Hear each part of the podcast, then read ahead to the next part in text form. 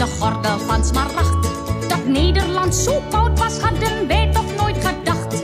Maar ergste was het eten, nog erger dan op reis. Aardappelen, vlees en groenten en suiker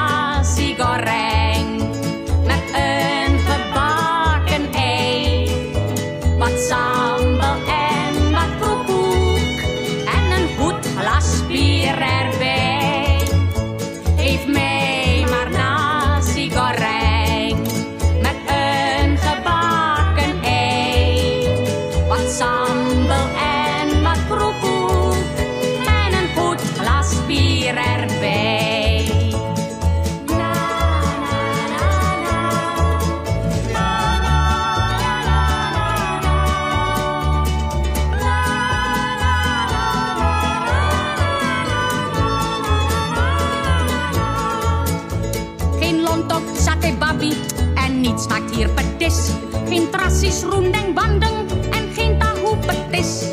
Kue lapis, onde onde, geen ketella of bakpau. Geen ketan, geen gula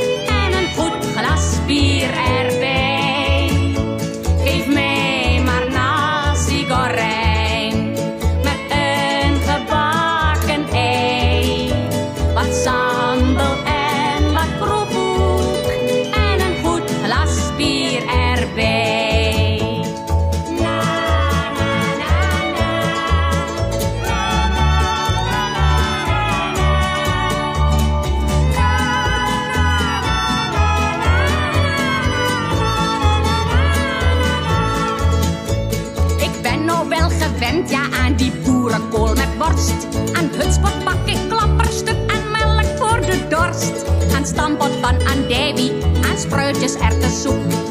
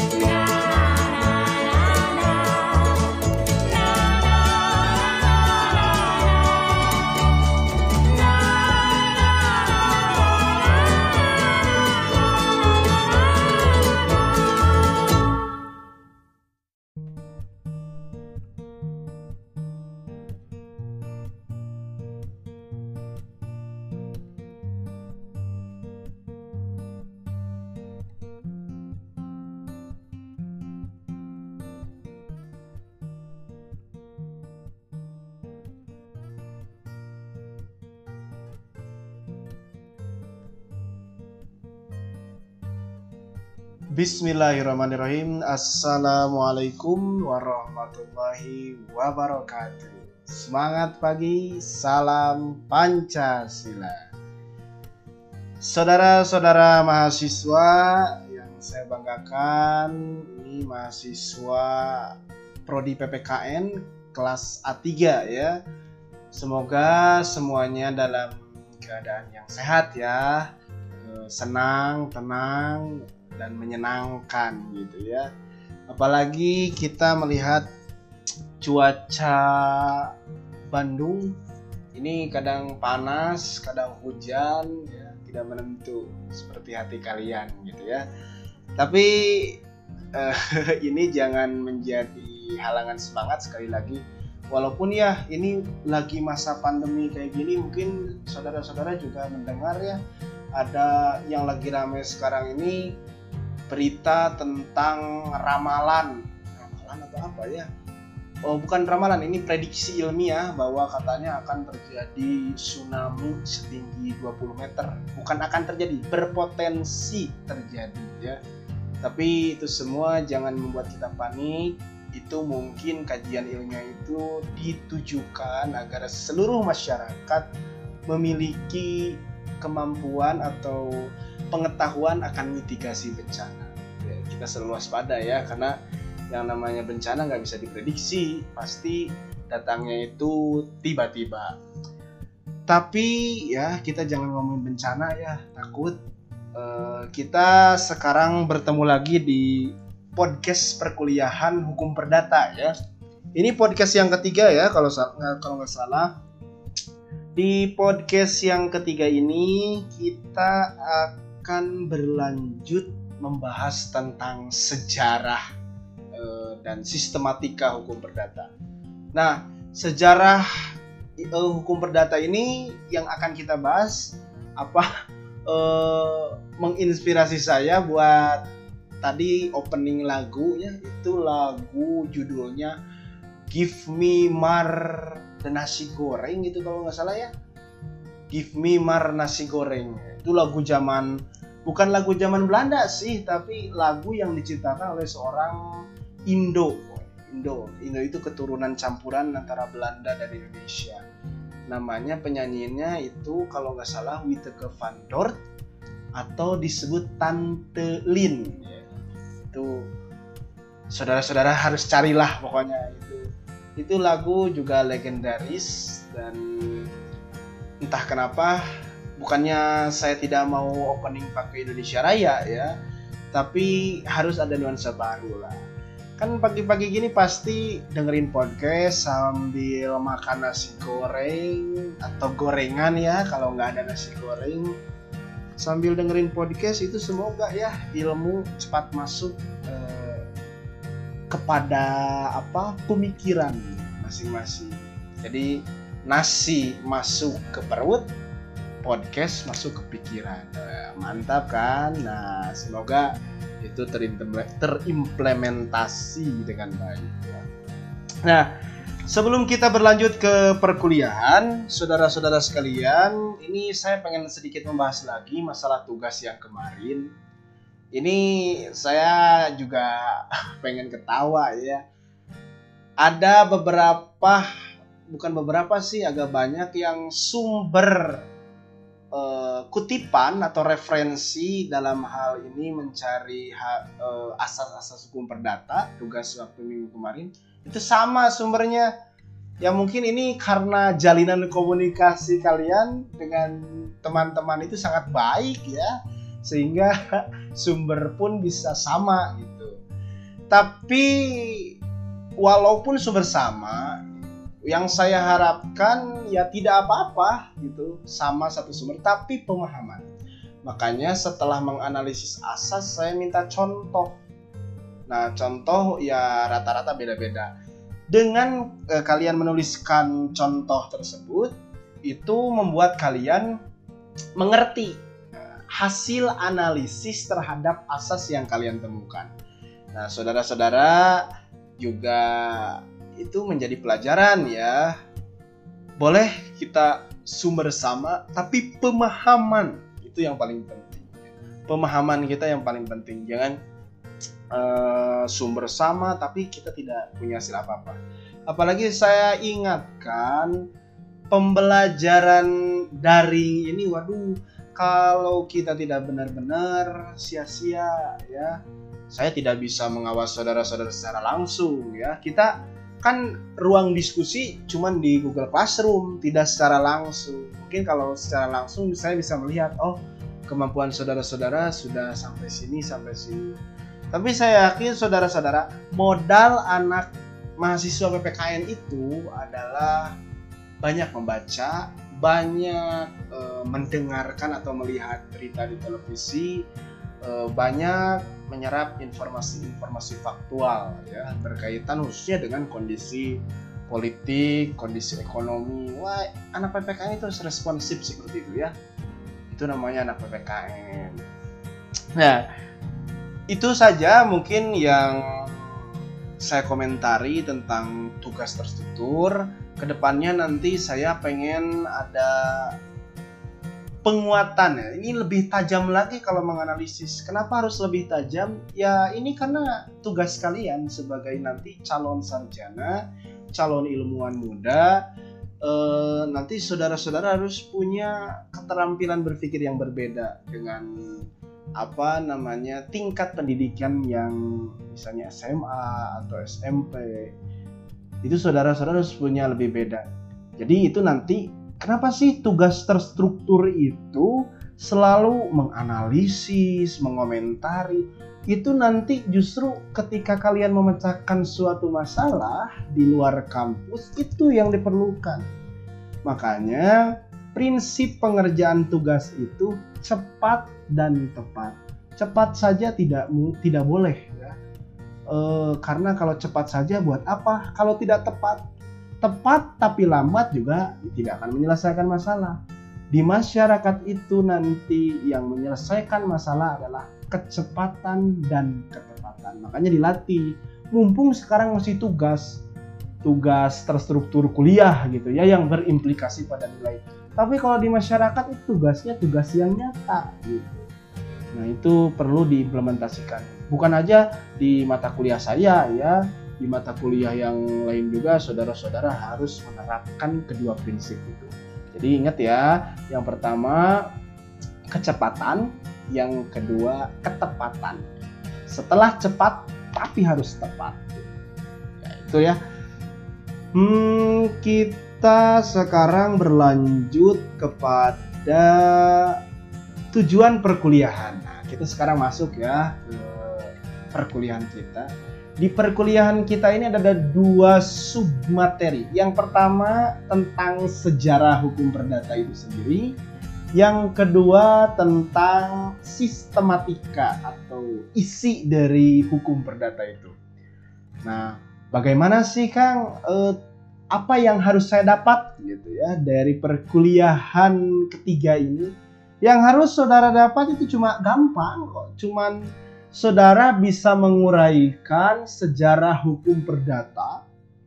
Dan yang kedua, saudara bisa mengetahui dan memahami sistematika hukum perdata itu sendiri.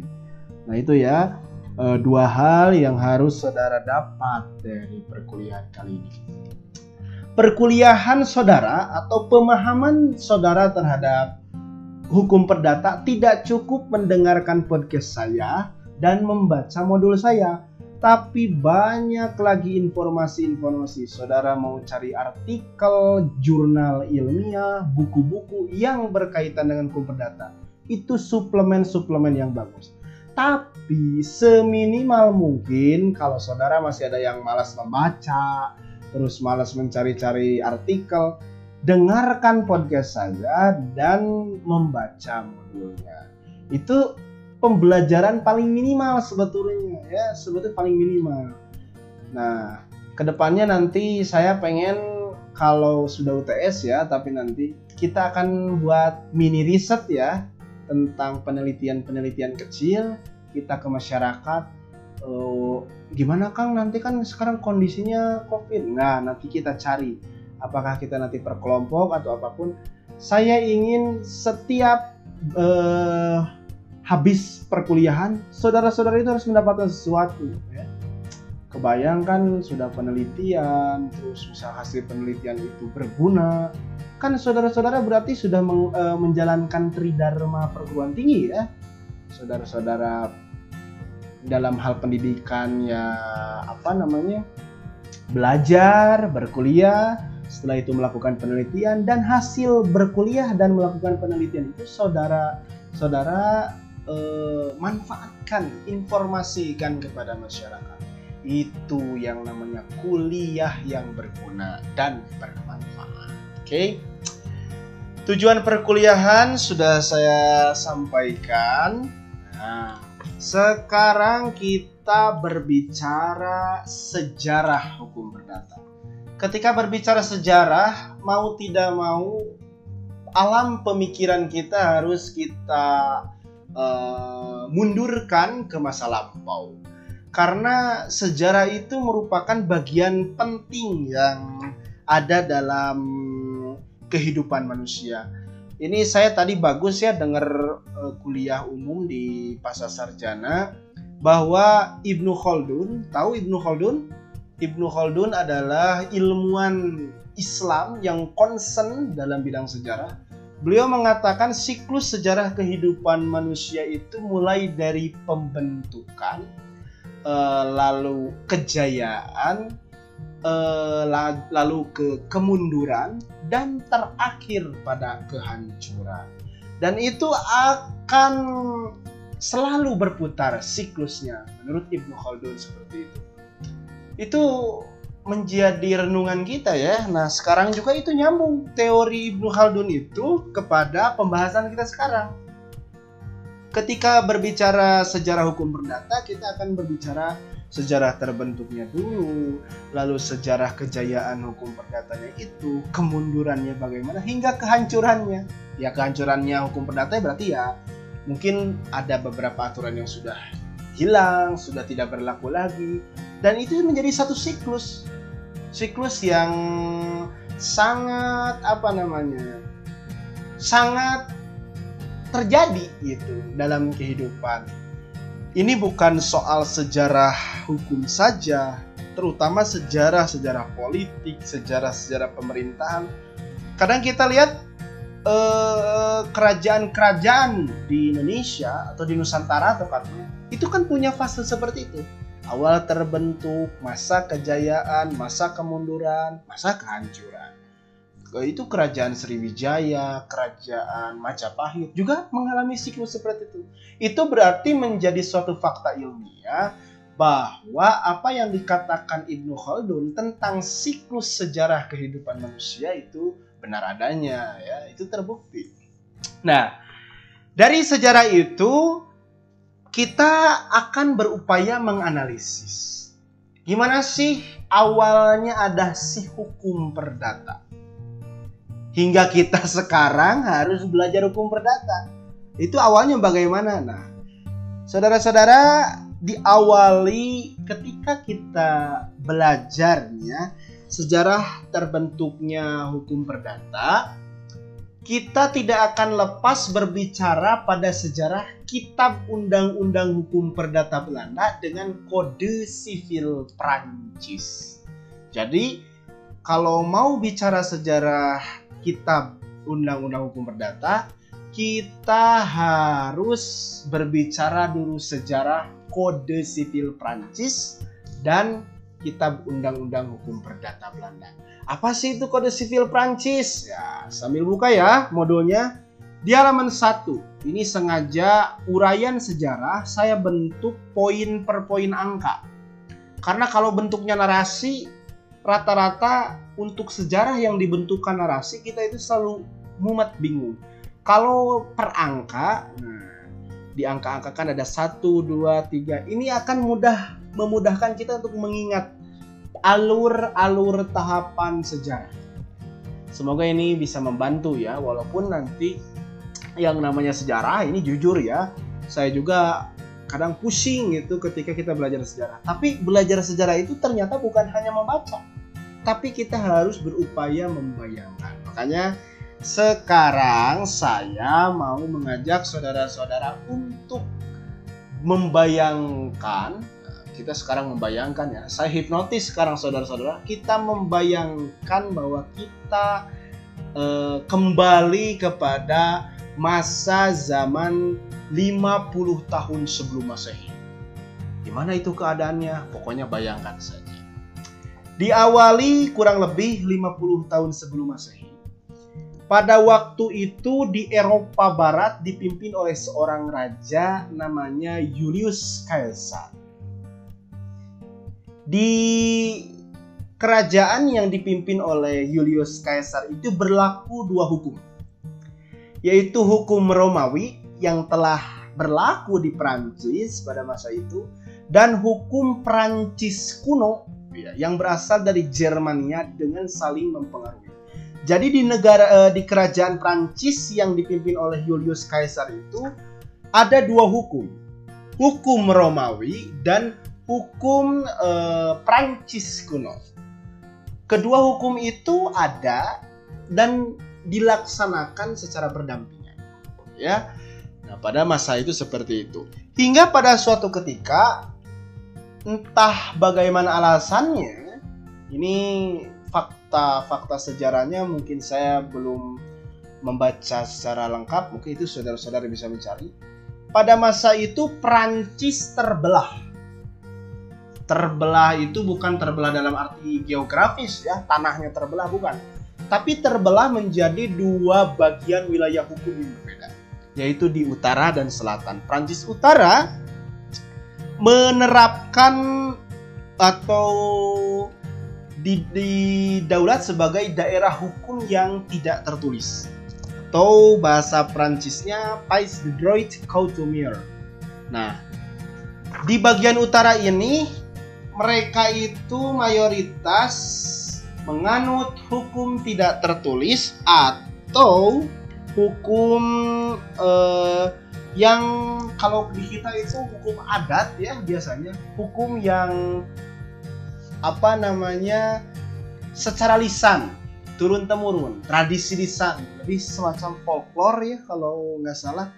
Jadi misalkan kalau di kita itu kalian tahu kan misalkan orang Sunda itu suka ada larangan-larangan misalkan tong ulin maghrib itu kan dari orang tua kita, orang tua kita dari nenek kita, nenek kita dari buyut kita, itu seperti itu. Nah, itu masuk juga pada kategori hukum tidak tertulis. Artinya yang disampaikan secara lisan turun temurun. Nah, daerah utara Prancis zaman dulu itu menerapkan hukum seperti itu.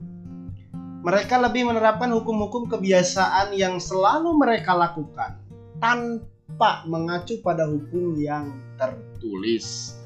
Oke. Nah, selanjutnya di belahan yang lain yaitu di belahan Prancis Selatan itu sebaliknya daerah tersebut menerapkan hukum yang tertulis Pays the Droit Écrit yang memberlakukan hukum Romawi. Nah, Tadi kan yang di daerah utara itu hukum kebiasaan yaitu hukum Prancis kuno. Hukum yang tidak tertulis namanya itu hukum Prancis kuno. Hukum Prancis kuno itu hukum yang tidak tertulis. Kalau di selatan itu hukum yang tertulis atau hukum Romawi. Nah, hukum Romawi yang tertulis itu tertuang dalam Corpus Iuris Civilis yang pada apa yang pada pertengahan ke abad ke-6 Masehi itu di, dari Justianus. Corpus Iuris Civilis itu kalau dalam sekarang mungkin apa ya? Undang-undang dasar kalau e, zaman sekarang ya itu aturan hukum yang tertulis pada masa itu di Prancis bagian selatan. Namanya Corpus uh, Iuris Civilis. Di dalam korpus Iulis Civilis ini, saudara-saudara bisa lihat dalam modul terbagi menjadi empat bagian. Ada Codex Justiniani, ada Pandecta, ada Institutiones, dan ada Noveles. Nah, yang pertama Codex Justiniani. Codex Justiniani ini berisi kumpulan undang-undang yang telah dibukukan oleh para ahli hukum atas perintah Kaisar Romawi yang dianggap sebagai himpunan segala macam undang-undang. Nah, jadi Kaisar Romawi itu pada waktu itu berkaitan dengan hukum-hukum Romawi, segala undang-undang zaman pada masa itu dikumpulkan dan dibukukan oleh para ahli hukum dan pembukuan kumpulan itu yang menjadi buku itu dinamakan Codex Justinian. Dan Codex Justiniani itu menjadi bagian dari uh, Corpus Juris Civilis. Bagian pertama. Jadi itu himpunan peraturan semua himpunan undang-undang. Sama Kaisar Romawi itu para ahli hukum silakan dikumpulkan dibukukan. Dan diberi nama uh, Codex Justin Just apa Justinian Tiniani maaf ya ini bahasa Romawinya saya kurang ini malum saya tidak hidup zaman Romawi ya. Saudara-saudara mungkin ada yang hidup zaman Romawi bisa tolong dibacakan. Yang kedua ada Pandekta. Pandekta ini memuat kumpulan pendapat para ahli hukum Romawi yang termasyhur, misalnya Gaius Papi. Ini bukan Gaius yang koruptor ya, Gaius zaman Yunani. Gaius Papinianus, Paulus, Ulpianus, Modestinus dan yang lainnya. Ini jangan-jangan Uninus ini diambil dari nama salah satu ilmuwan Yunani ya. Soalnya belakangnya nus nus nus gitu ya ini nggak itu ber bercanda ya saudara-saudara. Nah, pandekta ini kalau dalam istilah sekarang itu doktrin. Doktrin itu juga pendapat para ahli hukum. Pandekta itu juga pendapat para ahli hukum. Jadi ini mungkin 11-12 ya antara pandekta dengan doktrin. Dulu mungkin pada saat mata kuliah pengantar hukum Indonesia, saudara-saudara kan mengenal adanya jurisprudensi, doktrin, traktat, dan lain sebagainya. Ya doktrin itu pendapat para ahli hukum di zaman eh, Prancis kuno, zaman Romawi itu disebutnya pandekta. Itu dan itu menjadi bagian yang kedua dari corpus juris civilis ya. Ini sifilis bukan nama penyakit ya. Sifilis ini sifilis dalam arti uh, Romawi yang ketiga, institusiones yang memuat tentang pengertian lembaga-lembaga hukum Romawi. Nah, ini saya berpikir mungkin institusiones ini menjadi cikal bakal perkembangan ilmu hukum tata negara. Karena hukum tata negara kajiannya salah satunya adalah mengkaji lembaga-lembaga negara. Walaupun institusiones ini adalah mengkaji lembaga-lembaga hukum Romawi. Kalau dalam zaman sekarang kan itu mungkin yudikatif. Walaupun ini yudikatif juga pada masa itu, pada masa korpus juris belum diungkapkan. Karena yudikatif kan yudikatif, eksekutif, legislatif itu zamannya Montesquieu ya. Itu sekitar abad keberapa? Abad ke 17 atau 18 ya itu saudara cari. Nah, institutions dan institutions itu menjadi bagian ketiga dari corpus juris civilis. Nah, ada tiga ya. Codex Justiniani, Pandecta, dan Institutiones. Dari ketiga itu ada aturan-aturan yang dikeluarkan setelah tiga bagian pertama muncul. Jadi setelah Codex Justiniani ada, Pandekta ada, Institutiones ada, ada lagi aturan. Nah, aturan-aturan yang dikeluarkan atau undang-undang yang dikeluarkan setelah Codex selesai itu dimasukkan kepada bagian nobles. Nah, seperti itu ya. Jadi, eh, Corpus Juris Civilis itu menjadi kodifikasi hukum pada abad ke-6 Masehi. Ya. Ini kalau mungkin kalau zaman dulu ya ini mungkin kodifikasi hukum pertama, tapi tidak tahu ya eh, itu perlu kajian lebih lanjut. Yang harus kita tahu bahwa kod, eh, juris civilis ini menjadi kodifikasi hukum yang ada pada pertengahan abad ke-6 Masehi. Oke. Nah, ini ada satu lagi selain empat yang dibukukan itu dalam urusan perkawinan. Nah, ini ngomongin perkawinan jangankan sekarang ya, dulu juga diatur. Nah, pada masa dulu di daerah Prancis apa? Prancis ini baik Prancis Selatan maupun Prancis Utara khusus tentang perkawinan berlaku kodeks juris kanoniki atau hukum yang ditetapkan oleh gereja Katolik Roma. Jadi ini bisa kita analisis bahwa urusan perkawinan itu menjadi lahan teologi atau lahan agama di situ. Jadi negara tidak mengambil porsi atau raja tidak mengambil porsi dalam urusan perkawinan aturan perkawinan sepenuhnya mengacu pada aturan gereja Katolik Roma. Oh, jadi dulu seperti itu ya. Uh, urusan perkawinan oleh uh, mengacu pada aturan yang ditetapkan gereja Katolik Roma di luar urusan perkawinan itu masuk tadi keempat tadi itu Codex Justiniani atau Pandeta atau Institutiones atau Noveles yang tergabung dalam Corpus Juris Civilis ya. Nah, setelah uh, hukum tersebut, hukum Romawi tersebut berkembang dijalankan pada abad ke-17 Masehi timbul berbagai aliran yang ingin mengkodifikasi hukum yang akan berlaku di negara di negara Prancis agar diperoleh kesatuan dalam hukum Prancis. Tadi kan kita melihat bahwa di Prancis itu berbe uh, berbeda, dua wilayah hukum berbeda.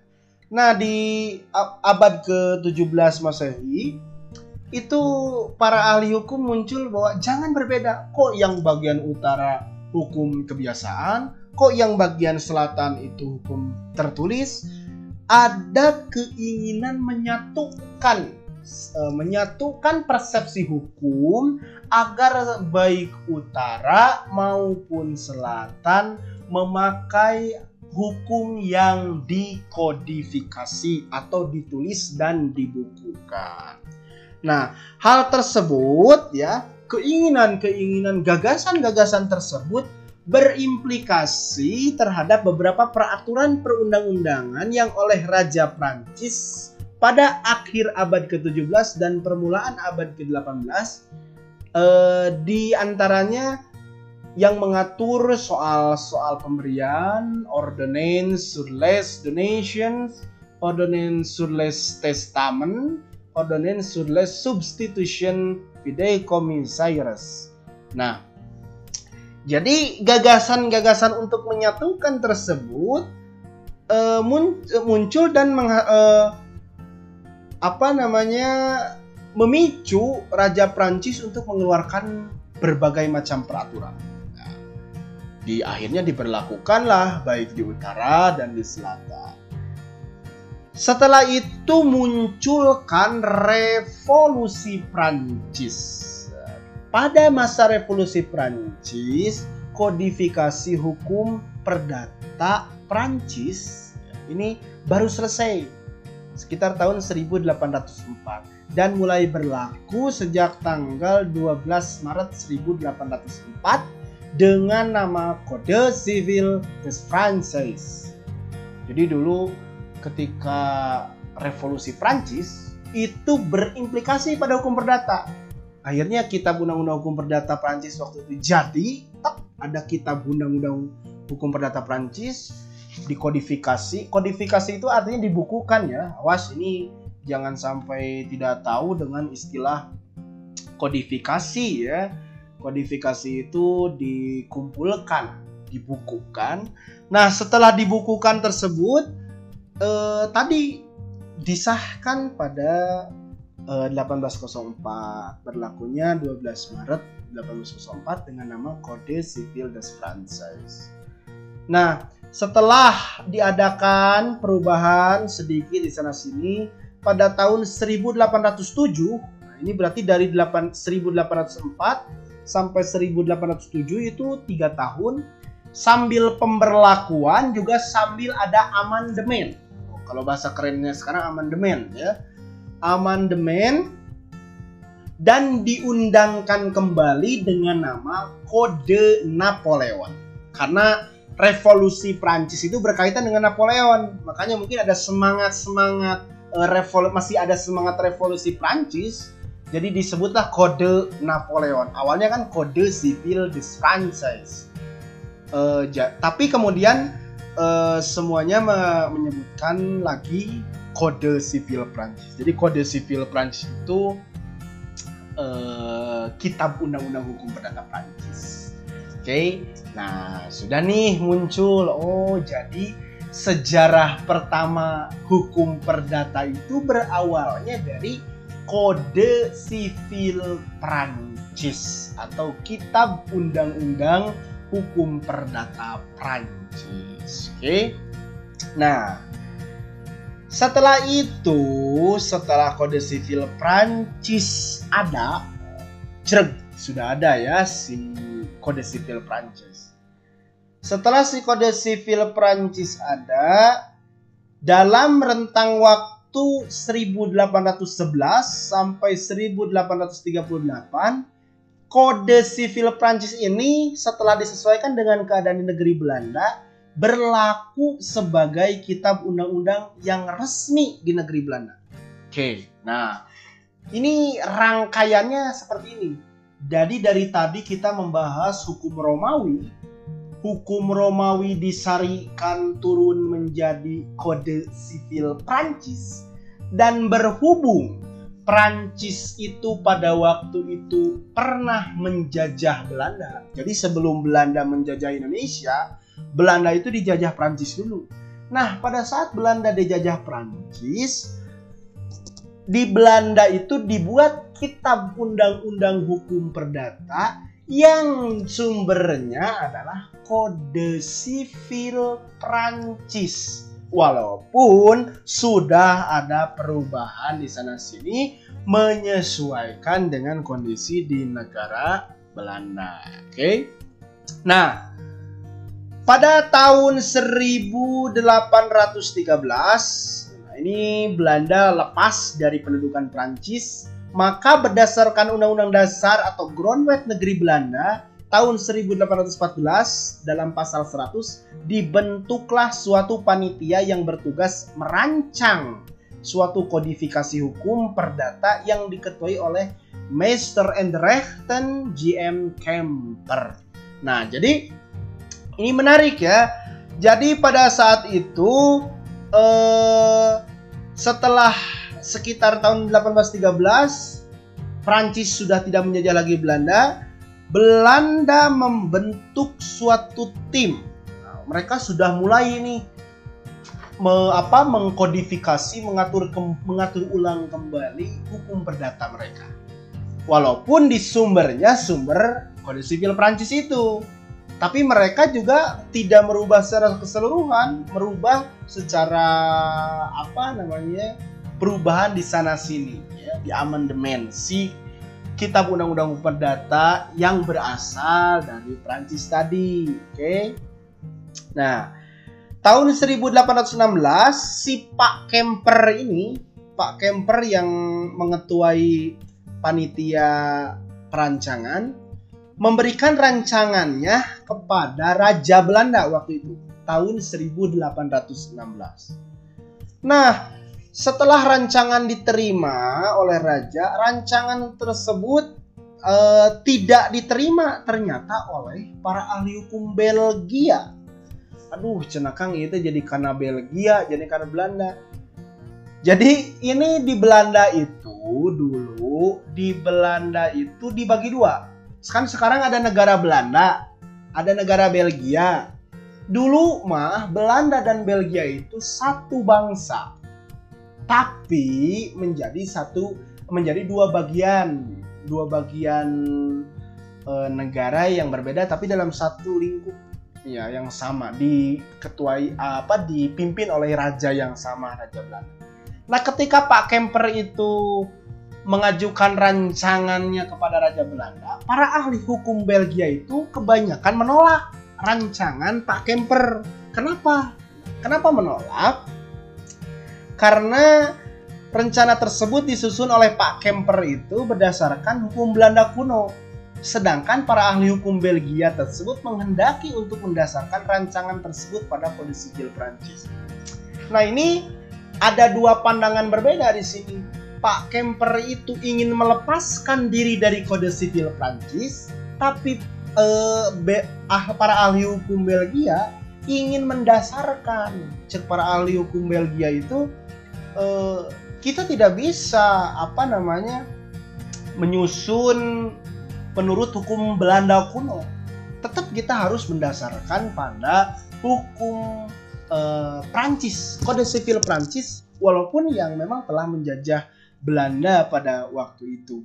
Nah itu terjadi pertentangan dan akhirnya Mr. Kemper, Mr. Andrechten Kemper, si Pak Kemper ini akhirnya merubah lah merubah apa yang diusulkan oleh para ahli hukum Belgia. Walaupun perubahannya itu tidak secara masif, tapi dirubah dan setelah dirubah tanggal 22 November 1820 rancangan tersebut disampaikan kepada perwakilan rakyat Belanda atau Tweede Kamer.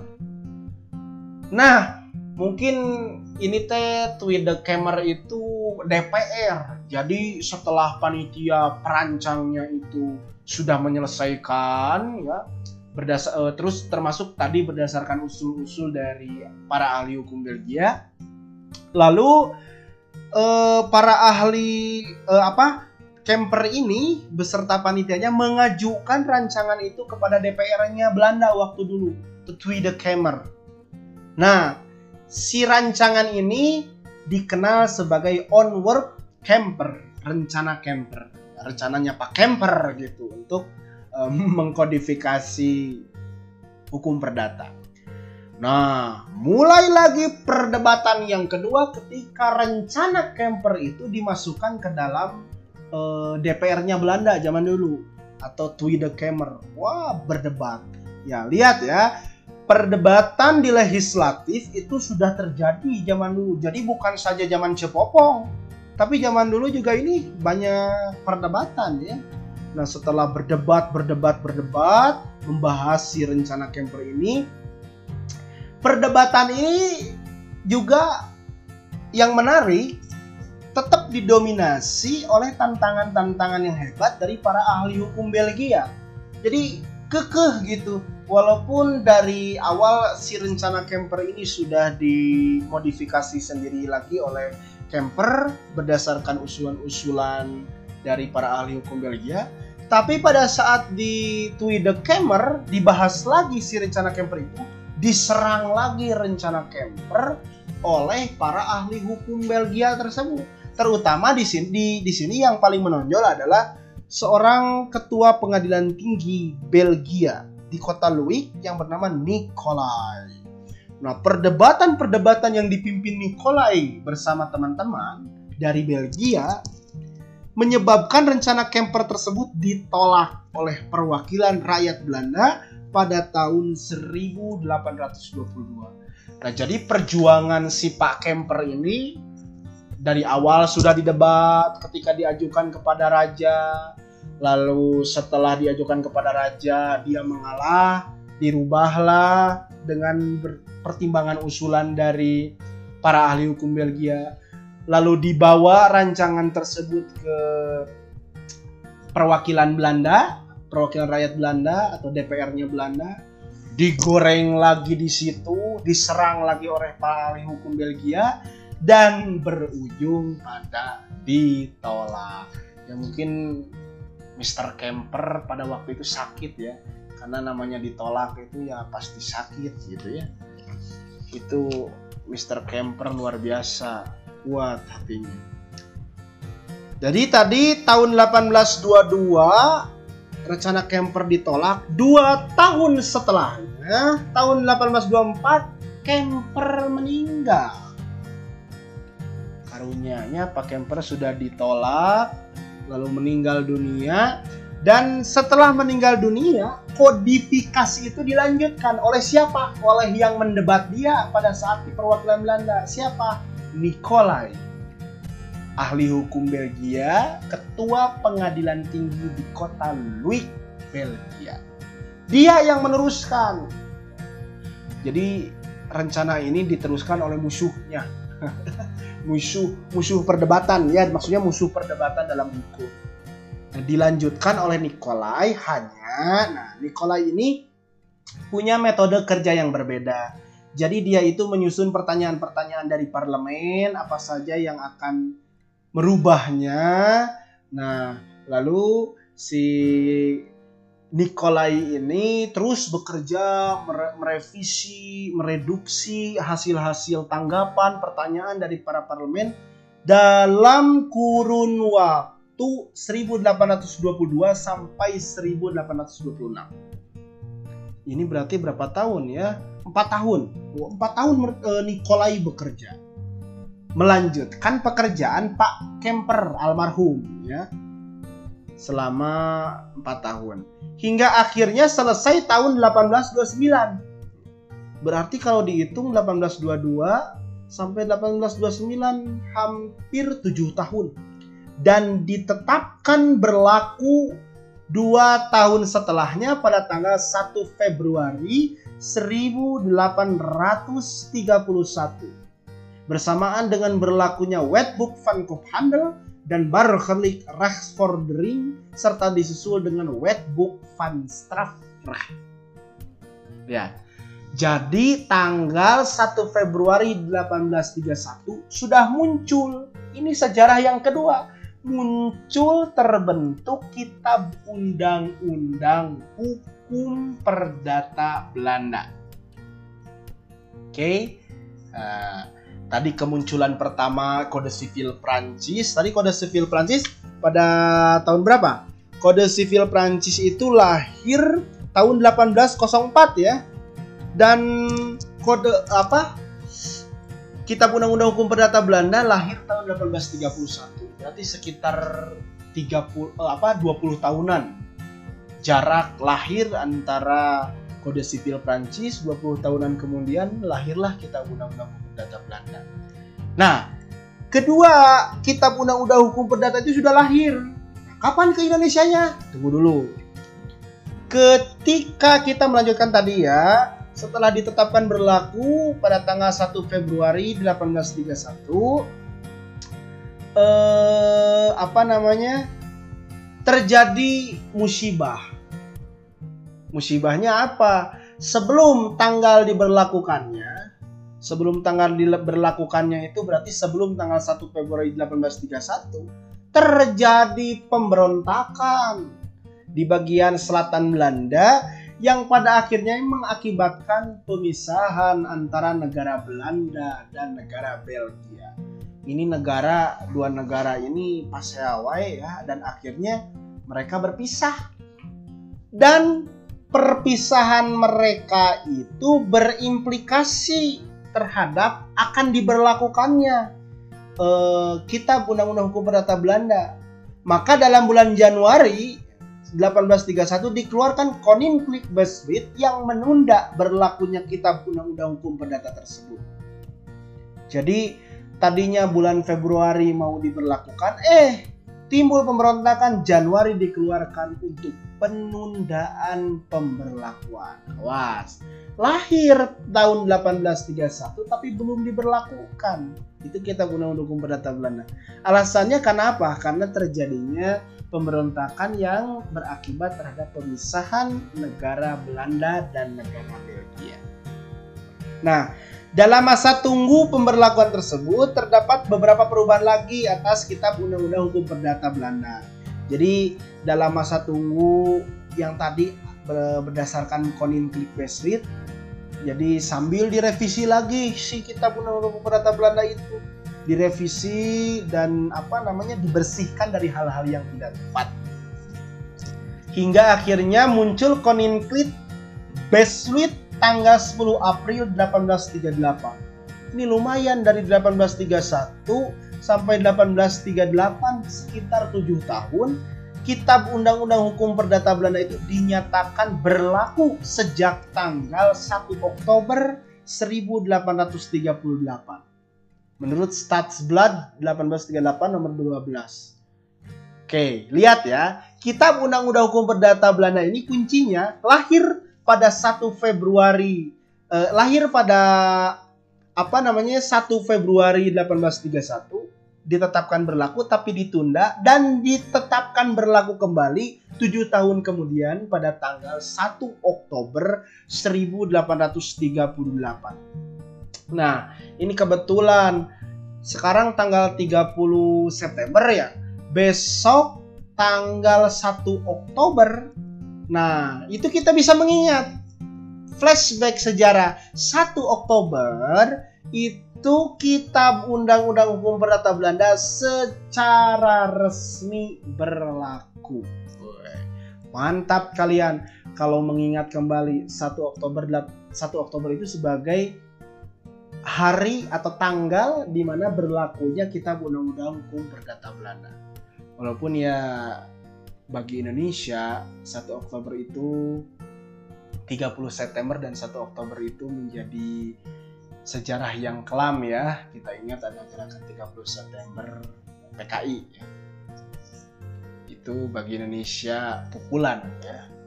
Tapi karena kita sekarang sedang apa namanya belajar sejarah Belanda, sejarah kita undang Perdata Belanda, kita ingat 1 Oktober adalah mulai lahirnya kita undang Perdata Belanda.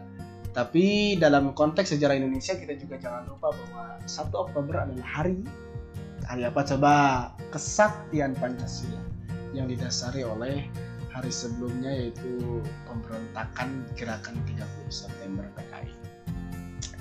Oke, karena kita tidak membahas PKI ya, coba kita lanjut lagi. Nah, 1 Oktober 1838, Kitab Undang-Undang Perdata Belanda diberlakukan. Sering sudah ada ya Kitab Undang-Undang Hukum Perdata Belanda.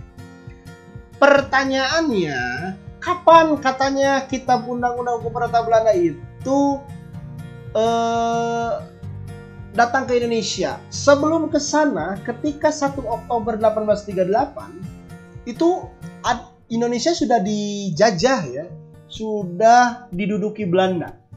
Sehingga ada orang-orang Belanda yang tinggal di Hindia Belanda atau Indonesia.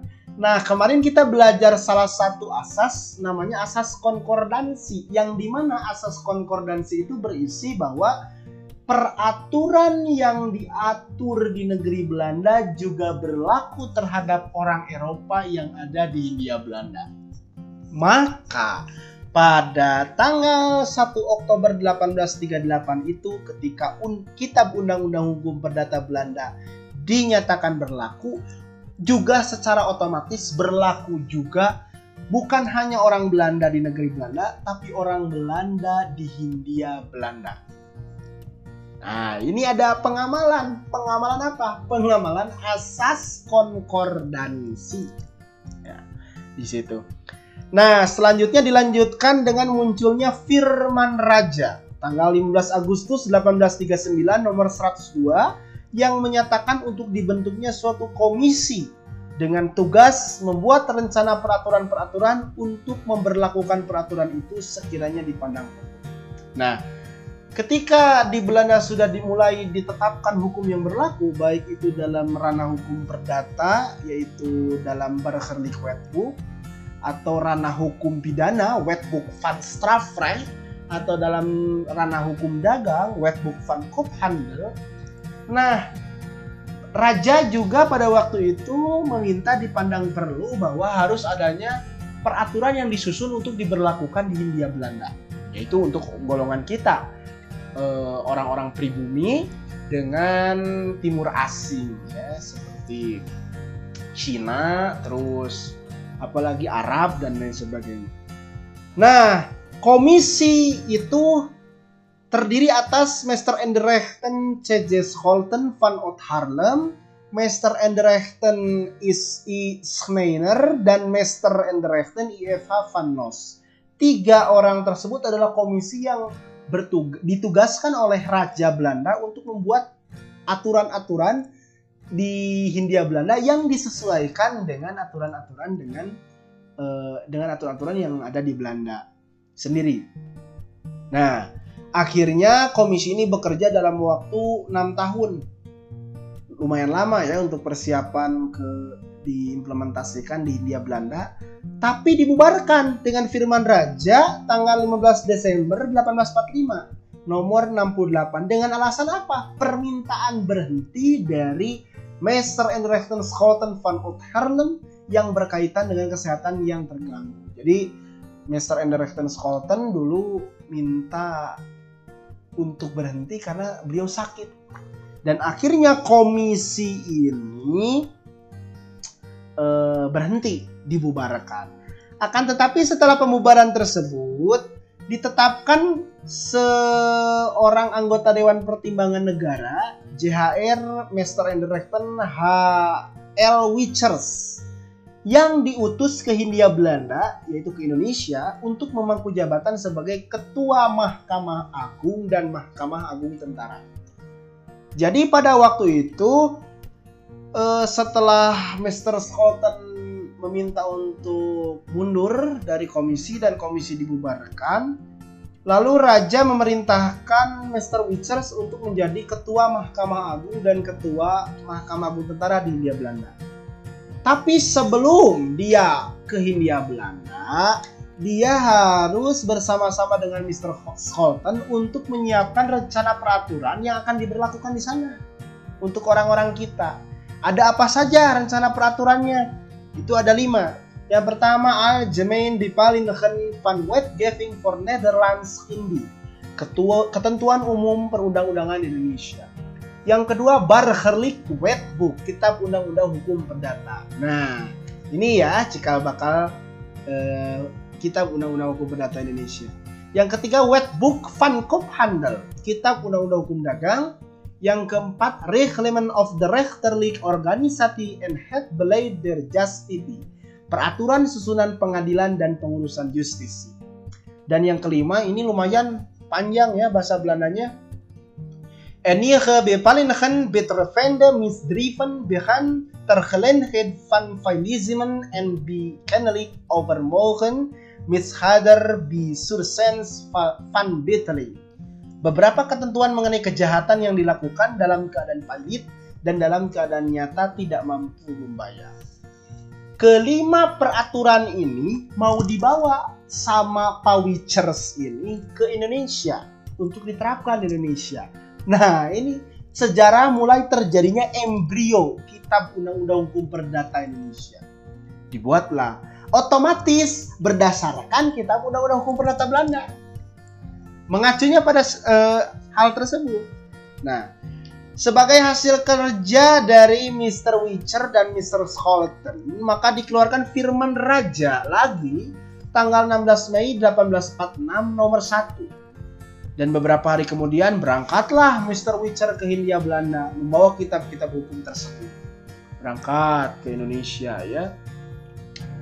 Tapi dalam sejarah tercatat bahwa kitab-kitab tersebut terlambat datang bersama Mr. Witchersnya karena perjalanan kapal, perjalanan laut yang terganggu sehingga apa namanya ya intinya terganggu saja dan akhirnya Firman Raja dikeluarkan kembali 10 Februari 1847 nomor 60 untuk memberikan kuasa kepada gubernur Hindia Belanda untuk mengundurkan penetapan saat berlakunya peraturan-peraturan hukum tersebut.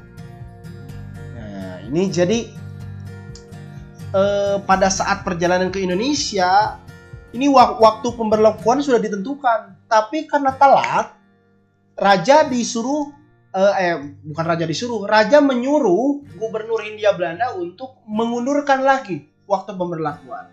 Hingga akhirnya terdapat suatu peraturan penjalan inferings verordening yang bernama Bipalingen omtrent de invoering van en de overgang tot de nieuwe wetgeving yang disingkat dengan invoering Bipalingen atau overgangs Bipalingen yang disusun oleh Mr. Witcher sendiri. Nah, maka kodifikasi hukum perdata menjadi berlaku di India Belanda tanggal 1 Mei 1848.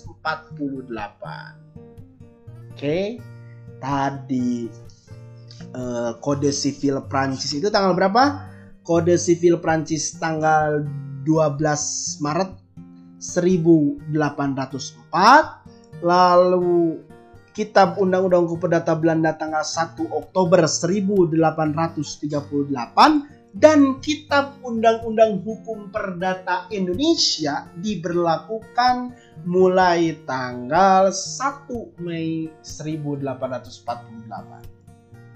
Nah, itu perjalanan rangkaian perjalanan sejarah. Rangkaian perjalanan uh, si Kitab Undang-Undang Hukum Perdata, termasuk hukum perdata kita. Nah, Terus Kang dari paparan sejarah yang panjang dan cukup mumet tadi, apa yang bisa kita simpulkan? Kitab Undang-Undang Hukum Perdata eh, Indonesia yang sudah saya suruh ini sudah pada punya kitab undang-undangnya eh, apa atau sudah pada download juga kitab undang-undang hukum perdata Indonesia itu mendasarkan ke kitab undang-undang hukum perdata Belanda. Kitab undang-undang hukum perdata Belanda mendasarkan ke kode sipil Prancis. Kode sipil Prancis itu bersumber pada hukum Romawi, si corpus iuris civilis itu. Maka secara hakikatnya kitab undang-undang hukum perdata Indonesia yang sekarang itu masih memiliki jiwa dan asas-asas hukum Romawi. Kepikir tuh, kita itu sekarang masih memakai saripati dari hukum Romawi kuno. Saya juga berpikir, oh iya ya ternyata. Karena riwayat tadi dari kor, hukum Romawi kuno ke kitab undang-undang hukum perdata Prancis, kode sivil Prancis, terus turun ke kitab undang-undang hukum perdata Belanda, lalu turun ke kitab undang-undang hukum perdata Indonesia. Luar biasa ya. Jadi oh iya ternyata sistem hukum kita itu masih berbau-bau dan memiliki saripati dari hukum Romawi kuno. Nah, itu berpengaruh ya pada pada kita semua bahwa baik hukum pidana maupun hukum perdata kita masih mengacu kepada hukum Romawi kuno. Itu efek dari penjajahan ya. Nah, terus hukum khas Indonesianya emang ada, Kang? Ada. Hukum khas Indonesianya itu ya eh, hukum adat ya. Itu yang hukum tidak tertulis karena memang bangsa kita itu belum terbiasa menjadi bangsa yang tulis menulis itu kebanyakan kita itu baik dalam hal budaya, ekonomi dan lain sebagainya itu dikomunikasikan melalui lisan. Orang Indonesia itu sangat kental dengan tradisi lisan. Karena tradisi lisan itu kita kalau sedikit menyitir tradisi lisan itu melahirkan dongeng Sangkuriang, tradisi lisan melahirkan dongeng Sikabayan, tradisi lisan juga melahirkan tokoh-tokoh seperti si kancil dan lain sebagainya. Orang Indonesia itu terbiasa, seperti itu. Belum ada kodifikasi yang tulis-menulis yang spesifik.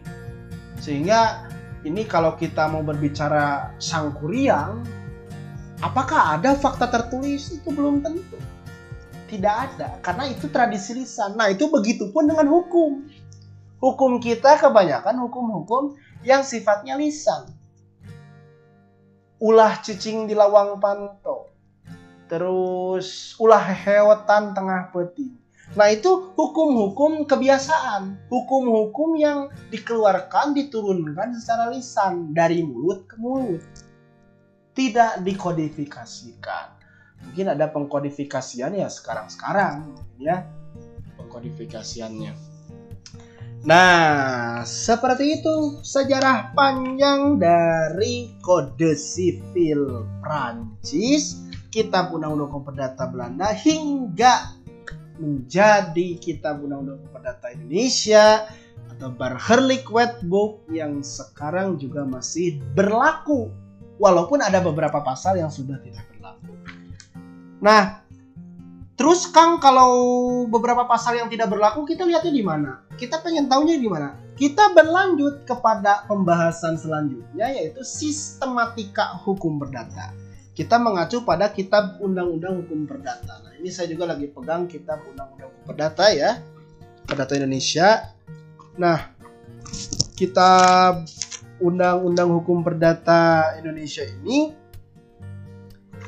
ada sistematikanya. Jadi di dalamnya ada bab apa saja, ada pasal apa saja. Nah, itu masuk dalam sistematika. Kan namanya sistematika itu eh, bagian-bagian yang saling berkaitan satu sama lain dalam sesuatu ya. Tapi sebelum ke sistematika hukum perdata, kita bahas dulu sistematika hukum perdata itu terbagi menjadi dua ada sistem hukum sistematika hukum perdata menurut ilmu pengetahuan dan menurut kitab undang-undang hukum perdata. Jadi ada dua. Kalau kata ilmu pengetahuan, sistematika hukum perdata itu terbagi menjadi empat. ada hukum tentang diri seseorang, Personenrecht, ada hukum keluarga, Familienrecht, hukum kekayaan, Vermogenrecht, dan hukum warisan atau Erfrecht. Ya, itu menurut ilmu pengetahuan. Jadi pokoknya kalau kata ilmu pengetahuan, hukum perdata itu membahas empat hukum tentang diri seseorang, itu baik manusia atau badan hukum atau dan lain sebagainya.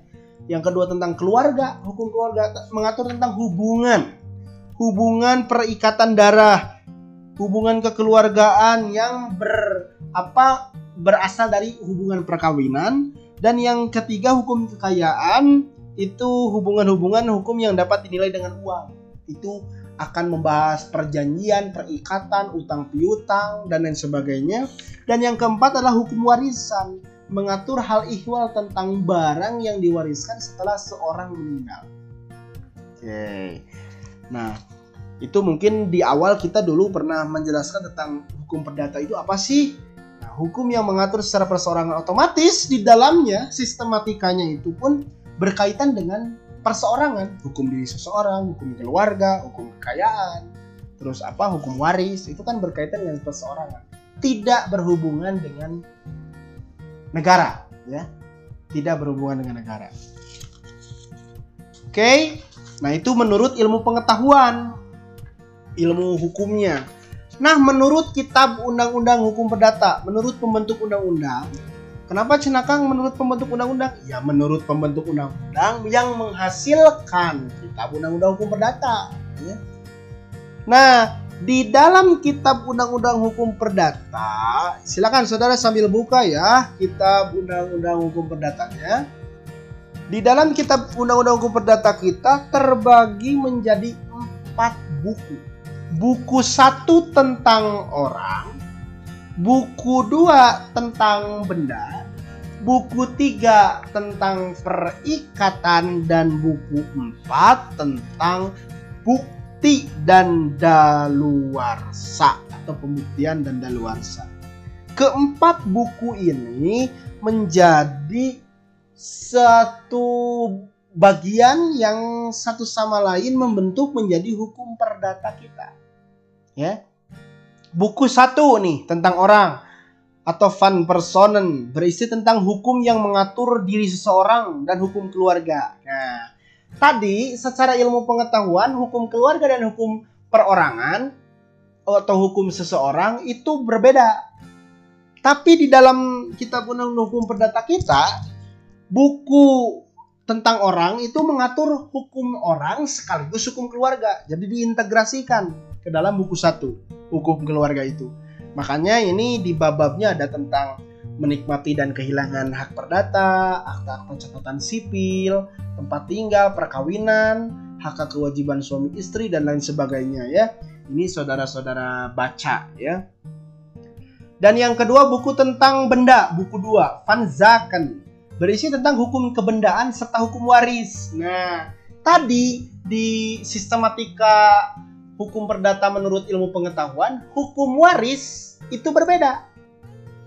Hukum waris itu menjadi satu bagian hukum tersendiri. Tapi di buku dua hukum perdata Indonesia, hukum benda dan hukum waris itu dimasukkan dalam satu buku, yaitu buku hukum benda. Karena dipandang kan waris juga berkaitan pastinya melulu dengan masalah tanah dan benda-benda bergerak ya. Nah, itu cina naun Kang? Iya benda bergerak benda tidak bergerak itu nanti kita bahas di pertemuan selanjutnya. Itu ada pertemuannya lagi. Yang penting saudara-saudara tahu di dalam kitab undang-undang hukum perdata kita ada apa saja? Buku satu tentang orang buku dua tentang benda. Nah buku tiga tentang perikatan van verbintenizen mengatur berkaitan dengan hukum kekayaan yang mengenai hak-hak dan kewajiban-kewajiban yang berlaku terhadap orang-orang atau pihak tertentu. Nah, di hukum bab buku 3 ini pasti ngomongin tentang perjanjian, tentang utang piutang, wan prestasi, hibah dan lain sebagainya, jual beli, sewa menyewa, gadai dan lain sebagainya. Itu diatur dalam buku 3 tentang perikatan. dan terakhir di dalam buku 4. Di dalam buku 4 ini tentang pembuktian dan daluarsa. Mengatur tentang ketentuan-ketentuan alat-alat bukti dan akibat lewat waktu terhadap hubungan-hubungan hukum. Nah, ini ada yang menarik berkaitan dengan buku 4 kan kita sekarang sedang berbicara hukum perdata material ya hukum perdata material itu hukum yang mengatur isi dan substansi yang fundamental dari suatu hukum. Tapi ini Kang kok aneh? Di buku 4 tentang pembuktian dan daluarsa kok udah ngomongin alat bukti? Bukannya alat-alat bukti mah itu sudah masuk ranah hukum acara perdata? Nah ini menjadi perdebatan para ahli hukum bahwa ketidaksetujuan memasukkan buku 4 tentang pembuktian dan daluarsa ke dalam kitab undang-undang hukum perdata material.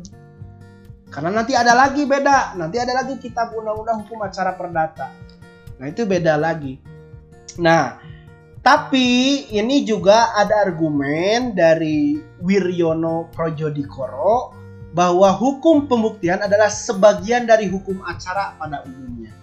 Jadi mereka ada satu pendapat hukum bahwa hukum acara pun terbagi lagi menjadi dua. Ada hukum acara material dan ada hukum acara formil. Nah, mereka menganggap ini sebetulnya untuk menengahi ya. Buku 4 ini masuknya ke dalam hukum acara material.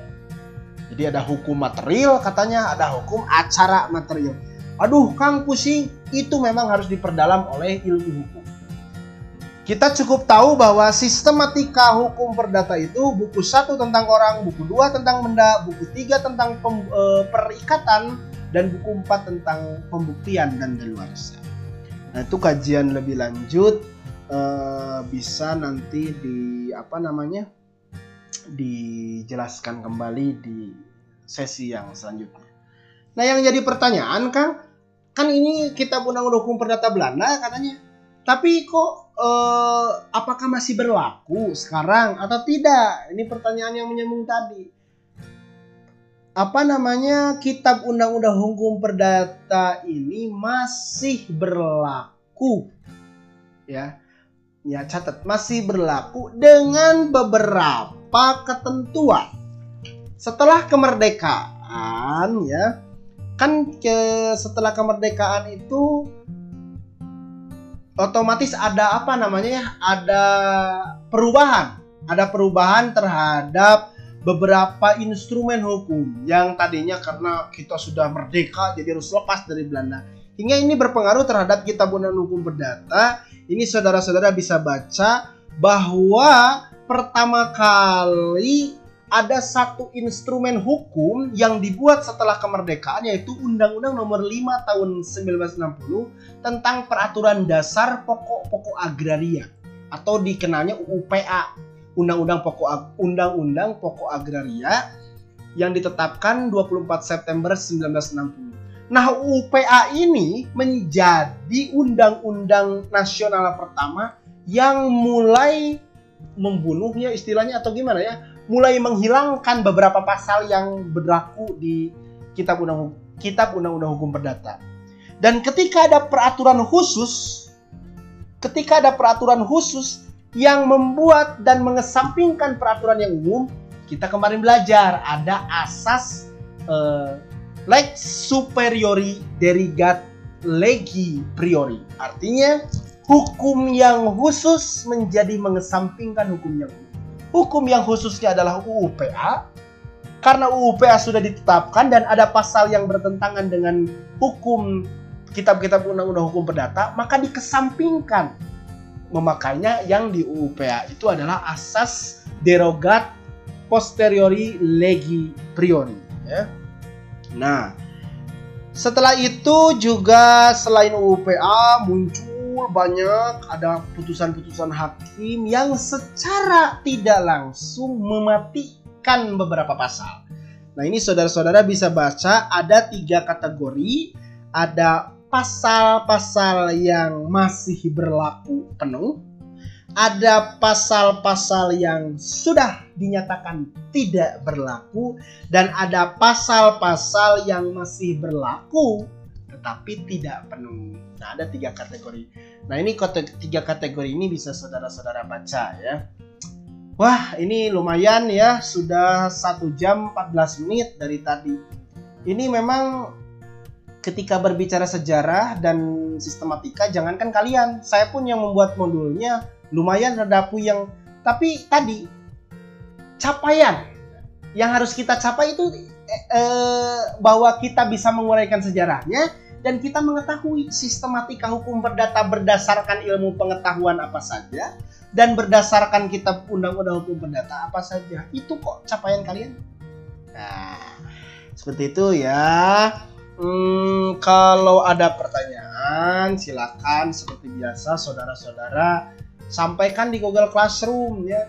Ini walaupun saudara-saudara tidak menyampaikan, ini sayang terhadap nilai keaktifan. Karena nilai keaktifan saudara-saudara saya nilai dari keaktifan saudara-saudara bertanya dan menanggapi di forum Google Classroom. Itu seperti itu ya itu akan masuk nilai keaktifan. Makanya saudara-saudara ini harus uh, apa responsif dong ya. Kalau ada yang tidak mengerti tanyakan gitu ya. Tidak mengerti tanyakan. Baik ini sepertinya kalau kita sudah terlalu lama pusing juga ya kita sudah satu jam 15 menit ini sudah berjalan semoga apa yang kita bicarakan ini tidak membuat saudara-saudara pusing tapi membuat saudara-saudara berpikir bahwa ternyata kita itu punya hukum yang sejarahnya itu panjang. Perjalanan sejarah kita itu panjang. Artinya kita tidak menyia-nyiakan sejarah. Dan Bung Karno kan ini sudah sering banyak dikutip oleh banyak orang. Jas merah jangan sekali-kali melupakan sejarah. Geningan, namun kita tahu sejarah mah kita teh secara hakikat masih memakai hukum Romawi kuno sampai sekarang. Ya, sampai mema apa? Masih memakai hukum Romawi kuno walaupun tidak sepenuhnya hukum Robokino tapi apa namanya sebagian saripatinya masih hukum Romawi kuno. Karena sekarang kan masih dalam rencana ya baik itu kita undang-undang perdata maupun KUHP nah ini kemarin yang waktu 2019 itu bulan September juga rame-rame rancangan undang-undang KUHP ya, walaupun sekarang entah ditolak ya keputusannya atau bagaimana. Bangsa kita berusaha membuat. Tapi karena memang pembuatan itu tidak didasarkan pada asas hukum yang merujuk pada keadilan, tapi asas politik. Nah, itu akhirnya seperti itu. Muncullah reaksi-reaksi. Kan ada banyak peraturan-peraturan aneh ya di RKUHP. Sehingga waktu itu mahasiswa-mahasiswa tepatnya tanggal 24 September 2019 turun ke Jakarta. Rame demo ya untuk apa? Untuk uh, namanya menyuarakan aspirasi bahwa RKUHP itu harus benar-benar dijalankan. Nah, saudara-saudara sekalian, eh, jangan jangan lama-lama lagi ya. Kita sudah agak ngebul ini saya yakin saudara-saudara seperti biasa tugas-tugas akan saya sampaikan di Google Classroom. Jangan bosan.